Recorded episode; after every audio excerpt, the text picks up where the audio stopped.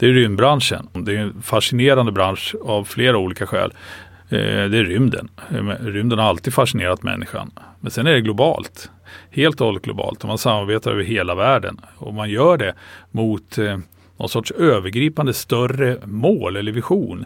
För det, allting som vi gör, eller åtminstone det allra, allra mesta som vi gör, har ju någonstans i bortre änden stor betydelse för människans eh, möjligheter att överleva på planeten jorden, det vill säga global hållbarhet. Eh, och det är en stark drivkraft hos många.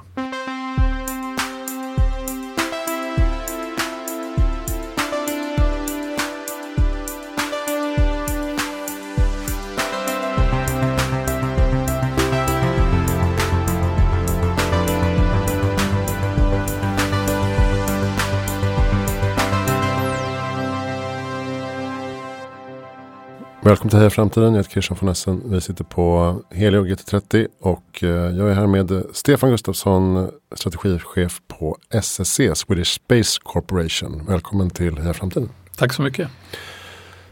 Ska vi börja med att uh, prata lite om vad SSC är och gör? Ja, SSC är ett eh, statligt ägt bolag. Eh, det innebär att staten äger 100% av aktierna i SSC eh, som levererar eh, avancerade rymdtjänster på en helt global marknad. SSC äger också och förvaltar eh, rymdbasen S-Range. Och det har vi gjort sedan 1972 när Esrange övergick från eh, eh, den europeiska rymdorganisationens ägo till Sverige. Och då outsourcar man helt enkelt driften och ägandet av eh, SSC till eh, ett rymdbolag, ett statligt ägt rymdbolag som man då satte upp Sedan dess har vi från Esrange skjutit över 600 eh, sondraketer som är rymdraketer som man skjuter upp och som kommer ner till jorden igen. De stannar inte kvar där uppe utan man skjuter upp dem till mellan 250 och 850 km höjd faktiskt. Med olika typer av forskningsexperiment eh, och så kommer de ner eh, på jorden igen och så kan man utvärdera experimenten och så. Vi skjuter också, sänder också upp eh, stratosfäriska ballonger. Det är stora ballonger som flyger uppe på 40 km höjd, det vill säga uppe i stratosfären där rymden är svart utanför. Det vill säga att det finns inga störningar. Så det är ett väldigt billigt sätt att komma upp till exempel med teleskop och så. Och så flyger ballongerna länge där uppe. Vi kan flyga runt eh, hela Nordkalotten kan man säga. Det vill säga man släpper dem på sommaren från S-range. Då flyger ballongen västerut över Island, Grönland, eh, Kanada, Alaska, och så vidare och kommer tillbaka till S-range egentligen efter 21 dagar och man kan flyga eh, hela vägen. Vilket vi ibland gör och, men allt som oftast tar vi ner dem borta i Kanada. Och de här kan eh, bäras av olika typer av forskningsexperiment. Men sen det stora, vår stora globala affär det är eh, att eh, ta emot data från olika typer av satelliter. Varje satellit, varje rymdfarkost måste ha en eh, connection till jorden. Ju oftare man kan ha en sån connection desto bättre är det. Och därför har vi byggt ut ett mycket omfattande globalt nätverk av stora antenner som tar emot information från satelliterna, data från satelliterna och skickar det vidare till olika kunder. Vi kan också skicka upp styrsignaler till satelliter och rymdfarkoster där. Så, och det är extremt viktigt. Eh, som vi såg alldeles här för en tid sedan. Eh, indiska Chandrayaan som skulle landa på månen tappade eh, connection till, till jorden och misslyckades därför. Och det visar på betydelsen av, av den här typen av, av verksamhet. Det är inte lätt, eh, det är avancerat fast det är bara liksom datamottagning, sända och ta emot data. Så det eh, kräver kompetens, erfarenhet och ett globalt eh, utbyggt väl fungerande nätverk för att kunna göra det. Och det gör vi. Mm. Hur många anställda är ni? Ja, vi är väldigt kostnadseffektiva med ett global footprint som täcker alla världsdelar. Men vi är inte mer än 600 anställda. Eh, vilket är eh, rätt fantastiskt egentligen med så pass stor, stor verksamhet. Men rymd är mycket teknik och de, alla våra anställda har en hö, väldigt hög kompetens inom det här och det är så vi, vi får verksamheten att rulla runt eh, i stort sett i alla världsdelar. Hur kommer det sig att eh, Sverige har blivit ett så pass framstående rymdland egentligen? Då? Ja, vi är framstående. Det, det, är vi faktiskt, fast vi är små. Eh, men det har att göra med att Sverige är ett high-tech-land. Vi kan bygga flygplan, vi kan bygga kärnreaktorer, vi kan bygga tåg och vi är jättestarka på IT och innovation och sådär nu som land betraktat. Och då är det naturligt att vara i rymd också. Rymd har ju på något vis genom tiderna varit i spetsen för, en, eh, för vad människan förmår när det gäller eh, teknisk utveckling. Och Sverige som high-tech-nation, det är naturligt för oss att vara där. Vi har många bra företag eh, som både tillverkar prylar och som, som vi då levererar tjänster. Och för våran del, att vi har fått en så pass global roll och en global eh, verksamhet.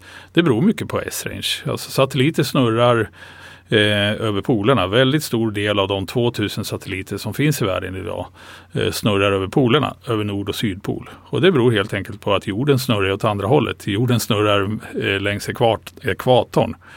Och det innebär att en satellit som flyger kanske 12, mellan 12 och 14 varv runt jorden varje dag kommer tillbaks till polerna varje varv. Och så snurrar jorden. Och då kan man ju då om man till exempel fotograferar eller radarbilder eller vad det än är som verksamhet kan ju då täcka stor del av jordens yta eftersom jorden snurrar och satelliterna snurrar åt andra hållet så att säga. Och då kan man ta ner datan uppe vid polerna. Så det är en väldigt viktig parameter att vi är ett eh, polärt land och vi har kunnat haft S-range längst uppe nära Nordpolen eh, utbyggt och bra med en stad omkring. Det finns många platser på jorden i Nordkalotten som också ligger nära Nordpolen. Men eh, infrastrukturen runt omkring, eh, kommunikationer, en stad, universitet, eh, olika typer av institutioner och sånt. Det är väldigt långt till det på andra platser och det har gett S-range och Sverige en fördel när det gäller rymdverksamhet. Så har det varit sedan 60-talet och var väl en av anledningarna till att Eh, Eh, man eh, påbörjade arbetet med S-range från europeisk sida under rymd, rymdkapplöpningens första dagar. Mm. Och nu, nu har ju rymd blivit så att säga hett igen. Från att ha varit då eh, en tuppfight mellan stormakter så är det idag kanske tuppfight mellan entreprenörer som vill hamna först och det finns mängder av privata initiativ och crowdfunding och allt möjligt. Eh, vad är det som gjort att, eh, att det kommer tillbaks en, eh, ett intresse för rymden tror du? Ja i grunden är det teknologiutvecklingen. Eh, I och med att det, det mesta blir digitaliserat och miniatyriserat så går det att idag få upp sensorer eh, och utrustning i rymden som väger mycket mindre, som, som är mycket mindre. Och det minskar kostnaderna för att eh, skjuta upp och låta det flyga där uppe. Det har gjort att man kan få upp eh, för samma pengar väldigt mycket mer avancerad utrustning eller också små satelliter som kostar väldigt lite med någon specifik utrustning.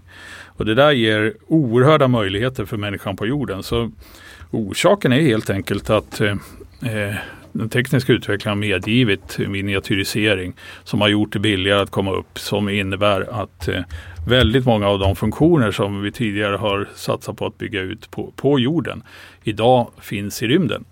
Som eh, kommunikation till exempel. Kommunikation är en jättestark trend just nu. Att man försöker få upp stora svärmar, konstellationer med små satelliter som ska ge konnektivitet. Man ska kunna koppla upp sig digitalt mot satelliterna var än man befinner sig på hela jordytan. Och det, det ger ju fantastiskt nya möjligheter. De 50 procent av mänskligheten som ännu inte har internet ska kunna få det genom det här. Och vi kan koppla upp oss var än man befinner sig på oceanerna, eh, var än på landmassan eller i flygplan till exempel.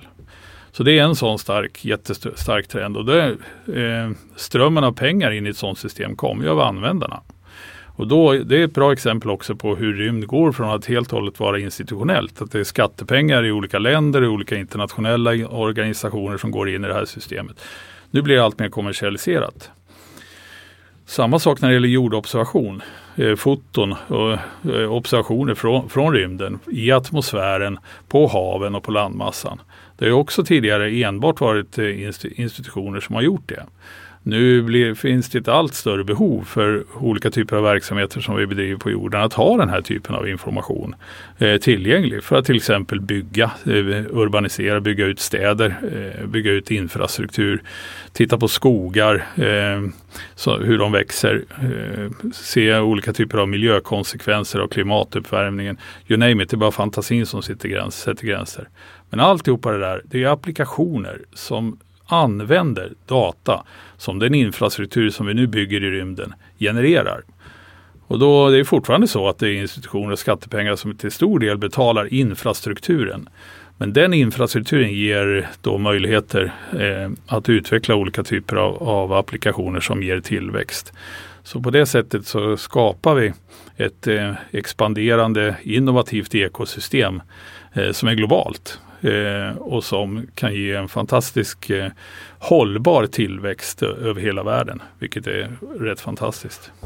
För många framtidstänkare menar ju att eh, det där är bara tjafs att hålla på med rymd och vi ska fokusera på problemen på jorden. Men eh, ni menar att det är det ni gör.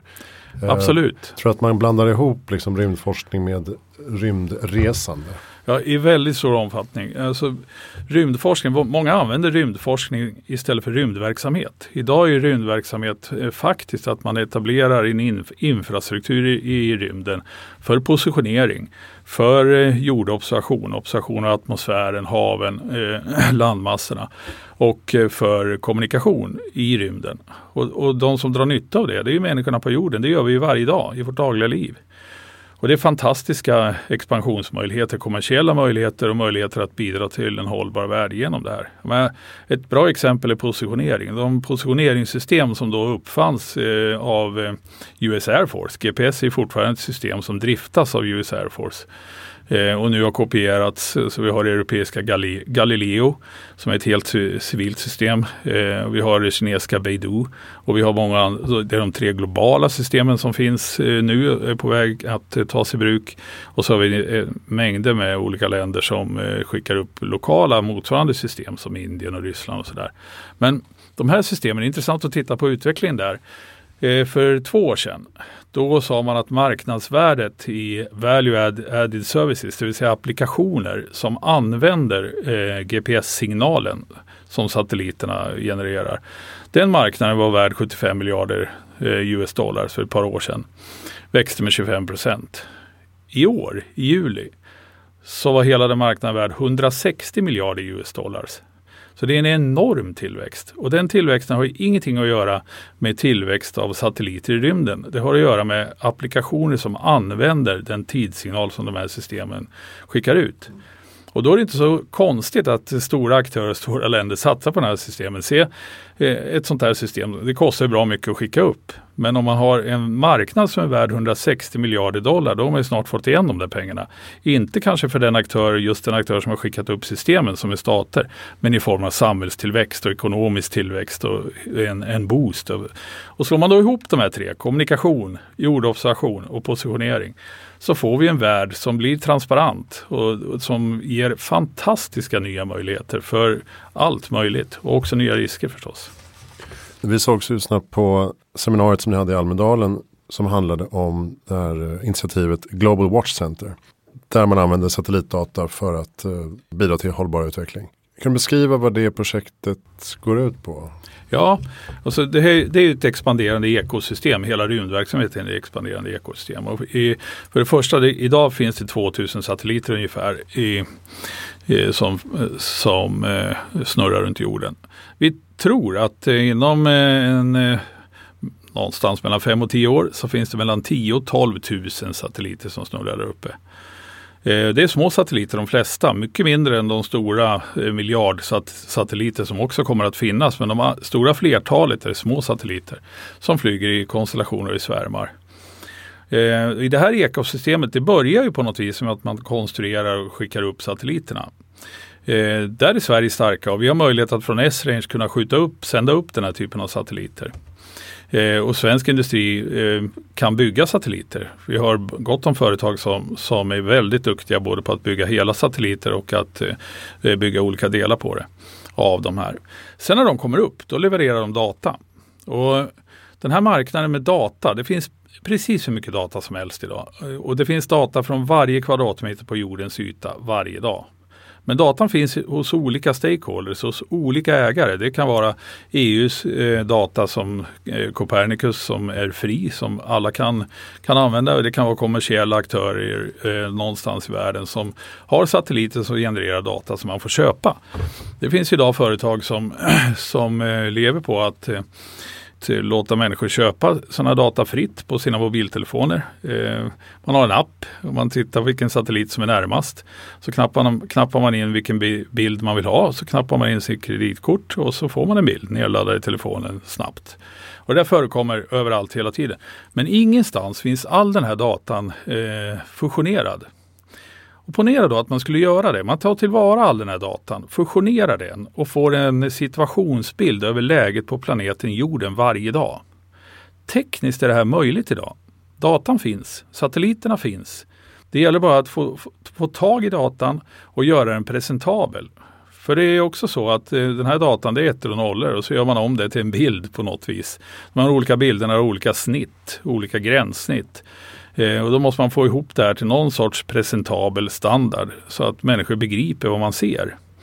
Det här är fullt möjligt och det vill vi titta på. Vi vill titta på att kunna bli en aktör från Sverige som då har hela eh, kedjan i det här ekosystemet. Från att bygga satelliter till att skjuta upp satelliter till att flyga satelliten där uppe och till att eh, ta emot datan och göra något vettigt med datan. Och det, det är ett jätteintressant projekt. Det är naturligtvis jättestort, fantastiskt stort och de aktörer som går in i det här måste ha en viss form av mod. Eh, möjligheterna att eh, lyckas finns där, det kommer, men det kommer att vara naturligtvis många stötestenar på vägen. Och, och, ni har presenterat det tillsammans med ÅF och eh, Luleå tekniska universitet ja. hittills. Och det låter ju, Global Watch Center låter lite som att det är en övervakningstjänst. Men det, är ju, det handlar om att upptäcka naturkatastrofer eh, i tid, eh, torka, vattentillgång, eh, klimatförändringar, alltså massa sådana saker som kan vara väldigt värdefulla. Ja, precis. Om, om man har en, en, en, central som kan använda datan och tolka den. Eh, och ni pratade om samarbete med FN till exempel. Absolut, absolut. Men det beror på eh, var man kommer ifrån egentligen, hur man ser på det där. Kommer man från den säkerhetspolitiska sfären eller den militära, eh, som jag gör när jag var strategichef i försvaret eh, för tio år sedan då är det naturligt att dra slutsats, slutsatser om olika möjligheter och olika risker som finns i den världen. Sitter man som börshandlare på Wall Street så ser man slutsatser som, ja men vad bra, då kan vi se ut torkans konsekvenser på veteskördarna i Australien. Eh, och sitter man eh, och ska övervaka fiske för, så kan man se möjligheter där, att, att se hur, hur det utvecklas och illegalt fiske och sådär. Ska man hantera kriser så kan man titta på orkanen som vi just upplevde över Barbados. Eh, hur man kan använda satelliter merchat, alltså kommunikation för att få kontakt med människor där men även eh, ett, en lägesbeskrivning eh, i, i, nära realtid. Och sen positionering för att veta var räddningsinsatserna är någonstans och kunna styra dem mer eller mindre i realtid. Tittar man på eh, hjälparbete i katastrofområden, hungerkatastrofområden eller krigszoner eller så, Syrien, eh, i stora delar av Afrika och de områden där det finns problem. Kommer man från det hållet så ser man ju fördelarna där.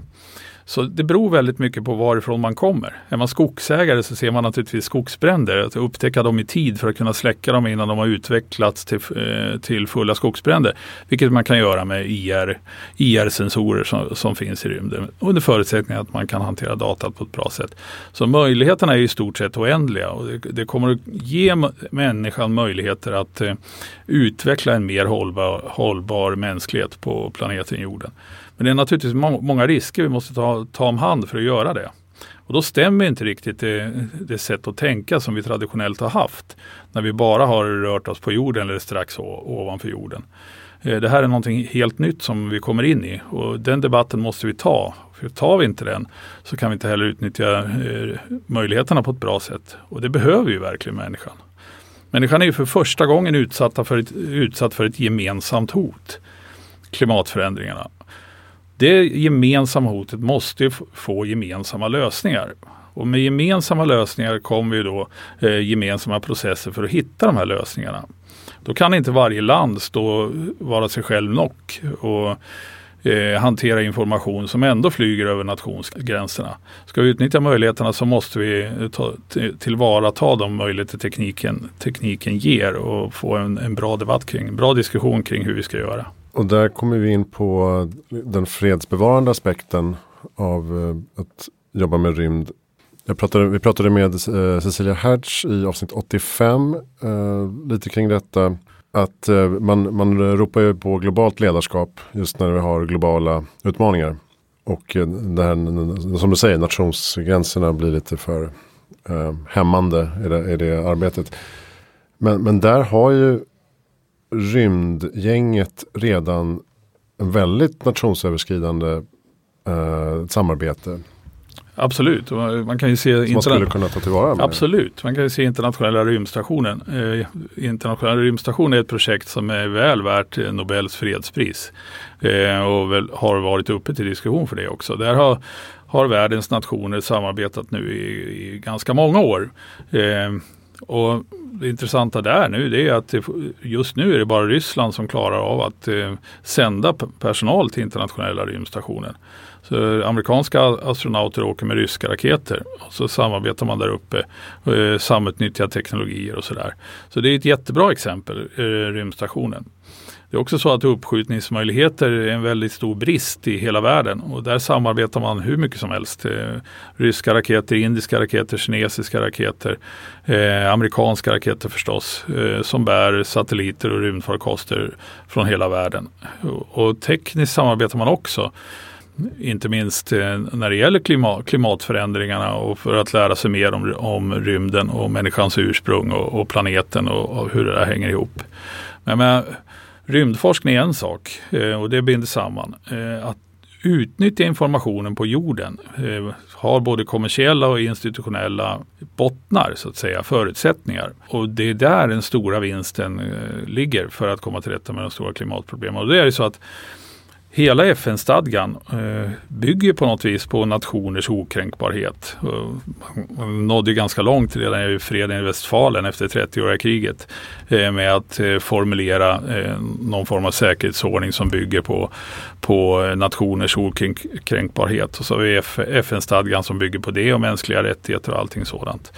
Och det där är alldeles utmärkt för rymden att kunna, kunna promota under förutsättning att man tillåter information från satelliter att utgöra en grund för internationell effort, nationell och, nationella och internationella åtgärder som eh, går hand i hand och fokuserar att tillvarata möjligheterna att eh, hitta lösningar på, på internationella problem.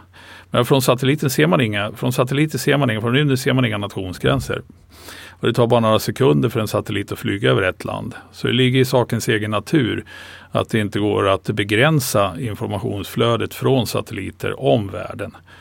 Och nu när det finns eh, så måste vi försöka tillvarata och göra något av det. Och, och säkerställa att vi också eh, mitigerar eh, de risker som, eh, man kan, eh, som man kan se komma upp. Särskilt när tänkandet möter, den, den nya världen möter den gamla i form av, av säkerhetspolitiskt eh, doktrintänk och, och säkerhetsåtgärder.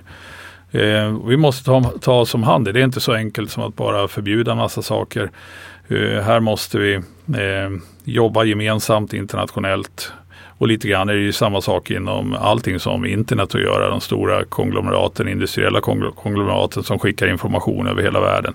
Det är lite grann eh, eh, samma sak. Vi måste lära oss att leva i ett eh, helt och hållet globaliserat digitalt informationssamhälle och utnyttja de möjligheter som det ger till någonting bra. Eh, och den diskussionen måste vi få igång, eh, för det är bråttom. Men vad är status på Global Watch Center då till exempel? Eh, på Global Watch Center har vi gjort en förstudie som visar att det här är möjligt, att det till och med är realistiskt till rimliga kostnader att göra. Teknologi finns. Så nu, nu går vi in i en fas där vi behöver titta djupare ner i, i tekniken. Också titta djupare ner i, i partnerskap och olika roller som olika aktörer kan, kan komma att behöva ha i det här. Vi har mött väldigt positiva reaktioner från till exempel FN. Också eh, eh, svenska regering, regeringen, regeringskansliet, svenska myndigheter positiva. Alla dessa aktörer är också väl medvetna om riskerna och de måste vi ta tag i samtidigt som vi bygger ut möjligheterna.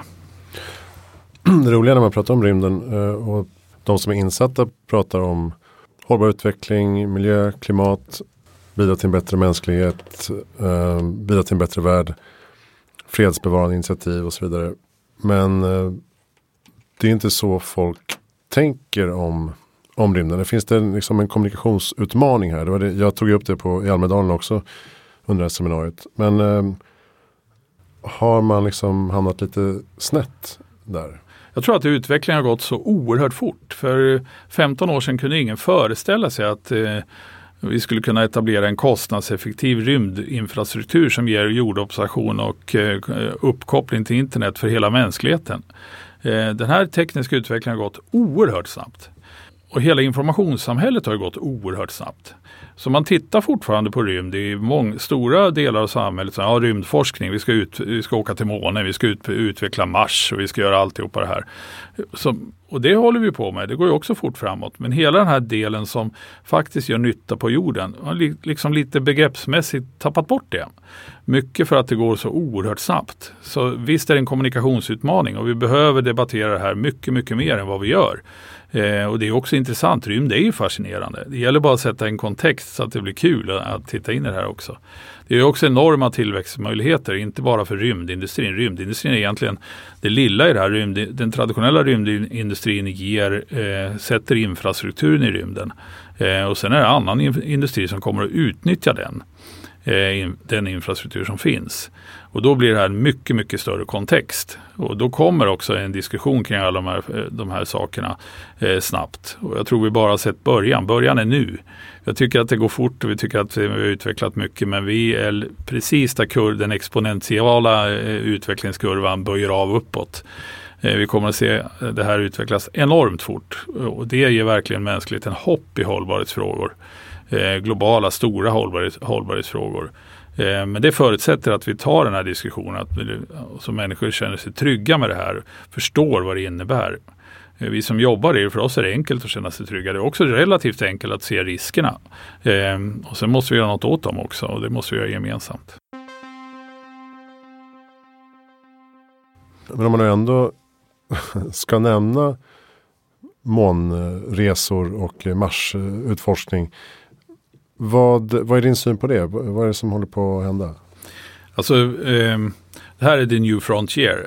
Man kan göra många olika mer eller mindre rimliga eh, liknelser. Men eh, när man började ut, u, utveckla världshaven, eh, upptäcktsresarna förr som inte visste hur någonting såg ut där borta. Det gav mänskligheten väldigt mycket ökad kunskap.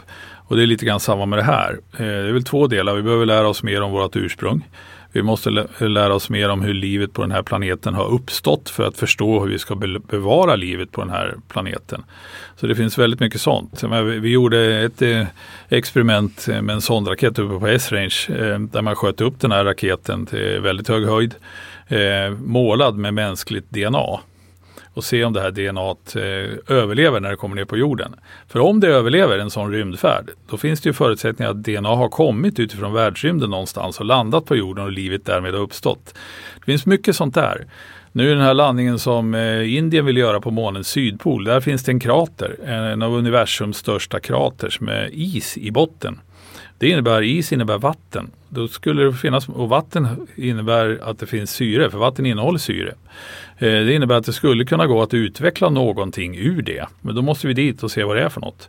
Väldigt mycket går ju att göra med robotar idag. Eh, det finns egentligen ingen större anledning att skicka upp eh, tunga människor i rymden. Men eh, ur den synvinkeln. Men när människan väl kommer dit och ser möjligheterna så går det att göra så oerhört mycket mer. För datorer är, en, är ännu inte människor. Det är ännu inte den associationsförmåga som finns i människans hjärna. Så det här är ett eh, segment som kommer att fortsätta utvecklas och utvecklas snabbt. Och det ger i sin tur då eh, väldigt mycket ny kunskap som vi kan utnyttja i den eh, rymdinfrastruktur som vi bygger för att utveckla mänskligheten på jorden. Men även för i våra, vårt arbete med att klara planeten jorden, mänskligheten på planeten jorden inför framtiden med de påfrestningar vi är utsatta för. Jag tror att du kommer kunna ha folk, alltså kommer vi kunna bosätta folk på Mars respektive månen under det här århundradet? Det tror jag. Under det här år, århundradet så är jag alldeles övertygad om att vi kommer att ha eh, kolonier eh, där uppe, ungefär som man idag har internationella rymdstationen som kommer att bedriva eh, fortsatt utveckling, forskning, titta på vilka förutsättningar vi har att skapa strukturer, teknik som gör att människor kan, kan överleva längre tid ute i universum. Det tror jag definitivt, det är liksom nästa steg. Det kommer att vara betydelsefullt. Vi vet ju inte, det här är liksom outforskat, det är verkligen the new frontier. Eh, och, och det, eh, det är fascinerande och det är klart att mänskligheten behöver ta tag i det. Kommer vi hitta annat liv i rymden under det här århundradet? Ja, no Nobelprisfrågor. Ditt tips är lika bra som mitt. Så, eh, det där är mera eh, en fråga, fråga vad man tror. Eh, men det ter sig väl ganska osannolikt att det inte skulle finnas liv någon annanstans i universum. Så Ja, det ska bli väldigt intressant att följa. Möjligen kommer man att hitta, möjligen kommer man att hitta det. Ju, ju längre ut vi tar oss desto mer öppnas eh, nya världar och nya perspektiv. Mm. Om man vill, alltså om man är nyfiken på att jobba inom den här branschen, vad ska man tänka på då? Man ska vara nyfiken. Eh, man ska vara beredd eh, att gå in i en innovativ bransch där allting förändras väldigt, väldigt snabbt på en grund av av stabil eh, fungerande teknologi. Det är inte så att man riskar särskilt mycket när man ska eh, skicka upp saker i rymden. Eh, det är alldeles för kostsamt för det. Så eh, noggrannhet och eh, i kombination med eh, en, en teknisk, högteknisk industri i snabb förändring. Det är rymdbranschen. Det är en fascinerande bransch av flera olika skäl. Eh, det är rymden. Eh, rymden har alltid fascinerat människan. Men sen är det globalt helt och hållet globalt och man samarbetar över hela världen. Och man gör det mot eh, någon sorts övergripande större mål eller vision. För det, allting som vi gör, eller åtminstone det allra, allra mesta som vi gör, har ju någonstans i bortre änden stor betydelse för människans eh, möjligheter att överleva på planeten jorden, det vill säga global hållbarhet. Eh, och det är en stark drivkraft hos många. Så Sen är det så att det är rätt mycket ingenjörer i rymden men inte bara. Så matte och teknologiämnen är ju väldigt bra att läsa när man är ung. Eh, men det finns ju gott om eh, människor i den här branschen som inte har den bakgrunden. Det är kommunikation, det är hållbarhet, det är eh, alla de förmågor och, och kapaciteter som man har i normala eh, myndigheter och företag, framförallt företag då. Så det finns alla möjligheter för en ung generation att kliva in här och göra underverk. Ett, om vi ska lyfta något problem med, med utvecklingen här så var något som kom upp på den här seminariet i somras så var det rymdskrot. Ja. Eh, kan man likställa det med liksom plast i haven problematiken? Eller Kanske inte riktigt, eh, alltså det är samma typ av problematik. Man har trott att så här, men här kan man bara slänga ut. Ja, det ty, och sen ty, det blir ganska farligt. Typ lite så. Jag tror vi har haft lite bättre koll ändå eh, uppe i rymden vad man har haft eh, i, eh, för plaster i haven. Vi vet ju att eh, saker i rymden stannar kvar väldigt länge. Eh, skickar man upp eller händer det någonting där uppe, en satellit går sönder eller en, man tappar en skiftnyckel från internationella rym, rymdstationen och sånt där. Då fortsätter den snurra eh, runt jorden i decennier. Den drar sig ner, neråt lite grann med jordens dragningskraft men den fortsätter att snurra där. Saker där uppe, rymdfarkoster, satelliter och, och sådär, de har en hastighet som ligger någonstans runt 20-21 000 kilometer i timmen. Eh, och där går de i sin bana och de ligger där och snurrar och det är inte så mycket som kan påverka det. Det är inget luftmotstånd utan de fortsätter eh, egentligen i all evinnerlighet i det där. Och till slut så sjunker de väl något genom gravitationen och kommer in i atmosfären och brinner upp. Men det är många, många, många år tills dess. Fram till dess, då ligger de där och snurrar med den där hastigheten. Och då kan ju var och en eh, förstå vilken smäll det blir när, när saker kolliderar där uppe. Och varje gång det kolliderar så bildas mer skrot. Ehm, och det skrotet flyger iväg med samma hastighet i stort sett. Ehm, och det är rätt okontrollerbart vilken riktning. Så för mycket kollisioner där uppe ger en expo exponentiell ökning av riskerna för koll kollision. Man kan se en kedjereaktion om saker börjar kollidera. Och då har vi för all framtid eh, gjort det mer eller mindre omöjligt att eh, utnyttja rymden. Eh, det innebär att vi måste ha koll på vad som flyger där uppe. Vi måste kunna göra undanmanövrer. Vi måste kunna, när antalet satelliter ökar från 2000 till 12 000 så måste det finnas ett flygtrafikledningssystem i rymden vi måste ha övervakning av rymden så vi ser olika skrotpartiklar som, som eh, flyger där och riskerar att kollidera med någon, någon, någon, del av de viktiga, de viktiga sakerna som vi vill ha där. Eh, och de här eftersom eh, även ganska små eh, plåtbitar eller, eller stenar eller vad det nu kan vara för någonting ger väldigt hög effekt när eh, energin är så hög med 21 000 km i timmen. Så innebär det att vi, vi måste ha övervakningssystem som ser även, även eh, små, små delar där uppe. Och det är inte helt lätt, avstånden är stora. Satelliter flyger på 600 km ungefär, 500-600 eh, km höjd. Och då behöver vi alltså ha både radar, eh, vi måste ha optiska sensorer, teleskop och sånt där som tittar ut. Vi måste kunna lägga ihop bilden till en eh, till en uppdaterad rymdlägesbild och sen behöver vi ett internationellt system för att flygtrafikleda de satelliter som finns där uppe. Och det där är också ett jättebra exempel på ett relativt okänsligt område ändå som människan kan, kan eh, som vi i världens länder nu behöver ta tag i och skapa ett, en systematik. Sen finns det ju många, precis som på haven och i, i luften, när man snackar sjötrafikledning och flygtrafikledning, så finns det saker som är hemliga som man inte vill ska upptäckas. Och det kan vara eh, militära saker eh, som eh, olika typer av underrättelsesatelliter och sådär. Så, så är det ju eh, även då i, i, luften och på haven.